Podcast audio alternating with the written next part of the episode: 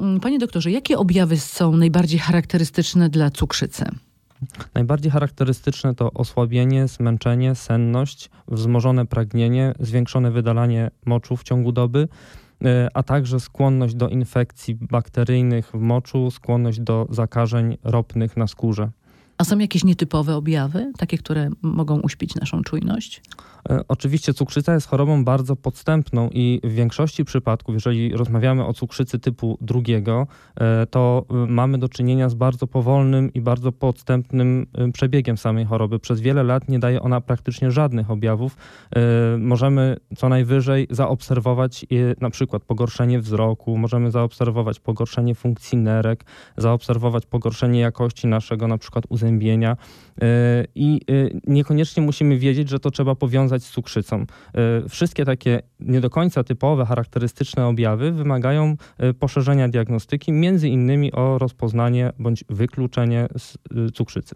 Czyli jakie podstawowe badania powinniśmy wykonać? Z podstawowych badań, no to oczywiście oznaczamy prostym test glukozę na czczo.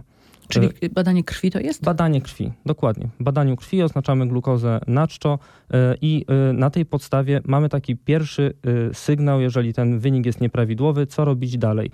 Natomiast prawidłowy wynik dalej nie powinien usypiać naszej czujności, bo może być tak, że nasza glukoza jest prawidłowa, a mimo wszystko mamy cukrzycę. Proszę powiedzieć, czym w takim razie różni się ta cukrzyca typu pierwszego od typu drugiego?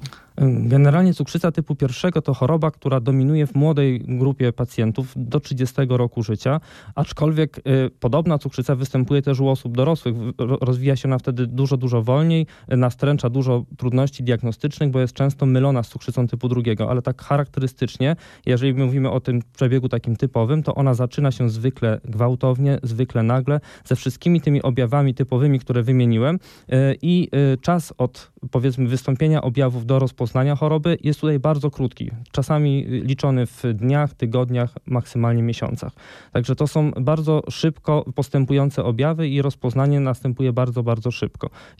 Rzadko występują w cukrzycy typu pierwszego te, te taki, występują takie przebiegi podstępne, przebiegi skąpo objawowe, e, e, przebiegi, które e, na, usypiają naszą czujność w rozpoznaniu tej choroby. A cukrzyca typu drugiego? Cukrzyca typu drugiego, w odróżnieniu od cukrzycy typu pierwszego, właśnie to jest cukrzyca, która rozwija się się bardzo, bardzo długo. Tutaj y, zwykle chorują na to osoby dorosłe, y, już po 30 roku życia. Y, Im jesteśmy starsi, tym mamy statystycznie większą szansę, żeby na tą chorobę y, zapaść, żeby tą chorobę y, u siebie mieć. Y, cukrzyca typu drugiego charakteryzuje się łagodniejszymi objawami. W związku z tym bardzo często usypia naszą czujność i nastręcza trudności diagnostyczne. I jeżeli nie przeprowadzamy badań przesiewowych, jeżeli nie Y, reagujemy na te pewne nietypowe objawy w naszym organizmie, to możemy łatwo tą chorobę przez wiele lat przeoczyć. Czyli też robimy podstawowe badania? Dokładnie. Diagnostyka oparta jest na oznaczeniu glukozy we krwi w warunkach podstawowych, ewentualnie po y, podaniu y, glukozy wystandaryzowanej ilości glukozy. 75 gram najczęściej u dorosłych osób podajemy glukozy i po dwóch godzinach oznaczamy poziom cukru we krwi po takim mm, ładunku węglowodanów. A co to jest stan przedcukrzycowy?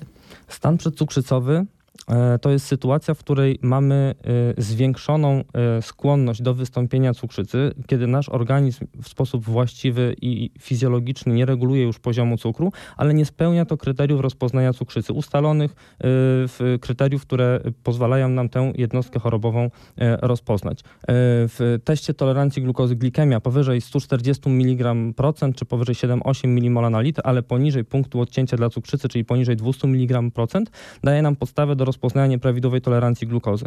I te dwie sytuacje, nieprawidłowa glikemia na czczo z jednej strony, z drugiej strony nieprawidłowa tolerancja glukozy, mm, nazywane są stanem przedcukrzycowym i w istotny sposób zwiększają ryzyko wystąpienia cukrzycy u człowieka, który ten stan przedcukrzycowy ma i tak naprawdę tym pacjentom, którzy stan przedcukrzycowy mają, rekomendujemy e, zachowania, postępowania e, bardzo zbliżone do postępowań e, stosowanych w cukrzycy. Z ograniczeniem oczywiście postępowania farmakologicznego, które tutaj jest ograniczone tak naprawdę do jednego leku, do metforminy, jeżeli chodzi o cukrzycę typu drugiego. Ale ten stan przedcukrzycowy mm, może nam się przerodzić faktycznie też w cukrzycę, tak? Jeżeli tak, będzie on się z dużym prawdopodobieństwem może przerodzić, więc jeżeli taki człowiek, który ma stan przedcukrzycowy, nie zmieni swojego stylu życia, nie zweryfikuje swojej diety, nie ograniczy węglowodanów prostych, łatwo przyswajalnych w diecie, to taki człowiek ma duże prawdopodobieństwo wystąpienia cukrzycy w przyszłości. My nie potrafimy przewidzieć, czy to będzie za miesiąc, za rok, czy za 10,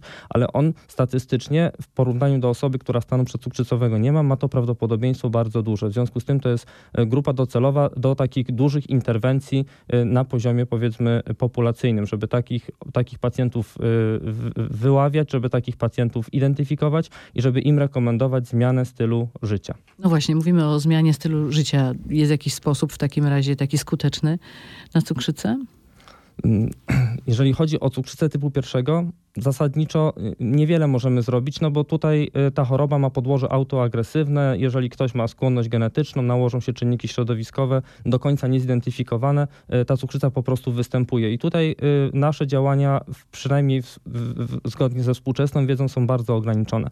Natomiast jeżeli chodzi o cukrzycę typu drugiego, to to jest taka typowa choroba, która jest chorobą cywilizacyjną, zależną od naszego stylu życia i chorobą, która dominuje w krajach rozwiniętych, krajach, gdzie mamy do, dobry dostęp do pożywienia, do pokarmów, e, gdzie e, prowadzimy e, ogólnie, jak to nazywamy, niezdrowy styl życia. Za dużo siedzimy, za mało się ruszamy. Czyli oczywiście znowu wysiłek fizyczny się nam Jak kłania. najbardziej. A jaki jest taki dobry wysiłek, skuteczny? Najlepsze wysiłki fizyczne to są takie, które angażują wszystkie nasze grupy mięśniowe. Także tak optymalnie byłoby sobie spacerować na przykład z kijkami. E, wtedy y, w maksymalny sposób y, angażujemy y, pracę naszych mięśni i jesteśmy w stanie w takim prostym wysiłkiem mocno zmienić stan metabolizmu w naszym organizmie. Można też oczywiście rekomendować e, pływanie, można rekomendować e, jakiś fitness. E, niezdrowe są wysiłki o bardzo dużym natężeniu, takie, które powodują zakwaszenie naszego organizmu, które Ale wtedy, jeżeli już mamy tę cukrzycę, tak? To...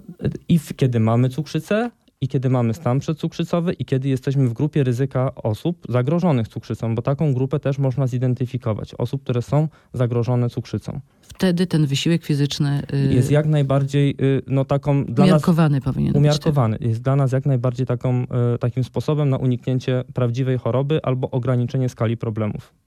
Wiele osób pyta, czy słodycze wpływają na to, że można zachorować na cukrzycę.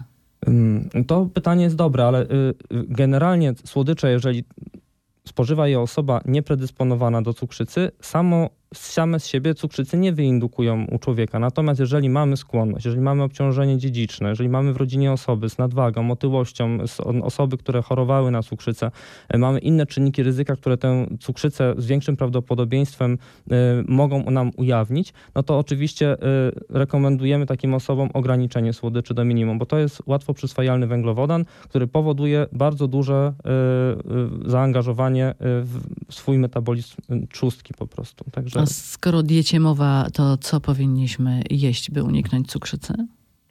Generalnie, Jaka dieta?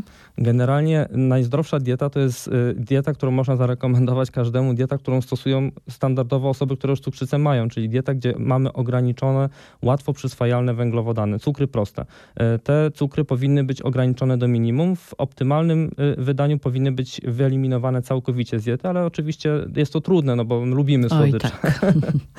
Oczywiście bardzo lubimy słodycze, więc, więc mamy z tym na pewno jakiś problem, ale gdybyśmy chcieli zarekomendować, to, to dieta powinna być oparta na węglowodanach złożonych, trudno przyswajalnych. Oczywiście optymalnie, jeżeli ktoś oczywiście nie ma jakichś nietolerancji pokarmowych, to z pewną dozą składowych, takich bogato resztkowych, które będą poprawiały jakość naszego trawienia, pasażu w jelitach.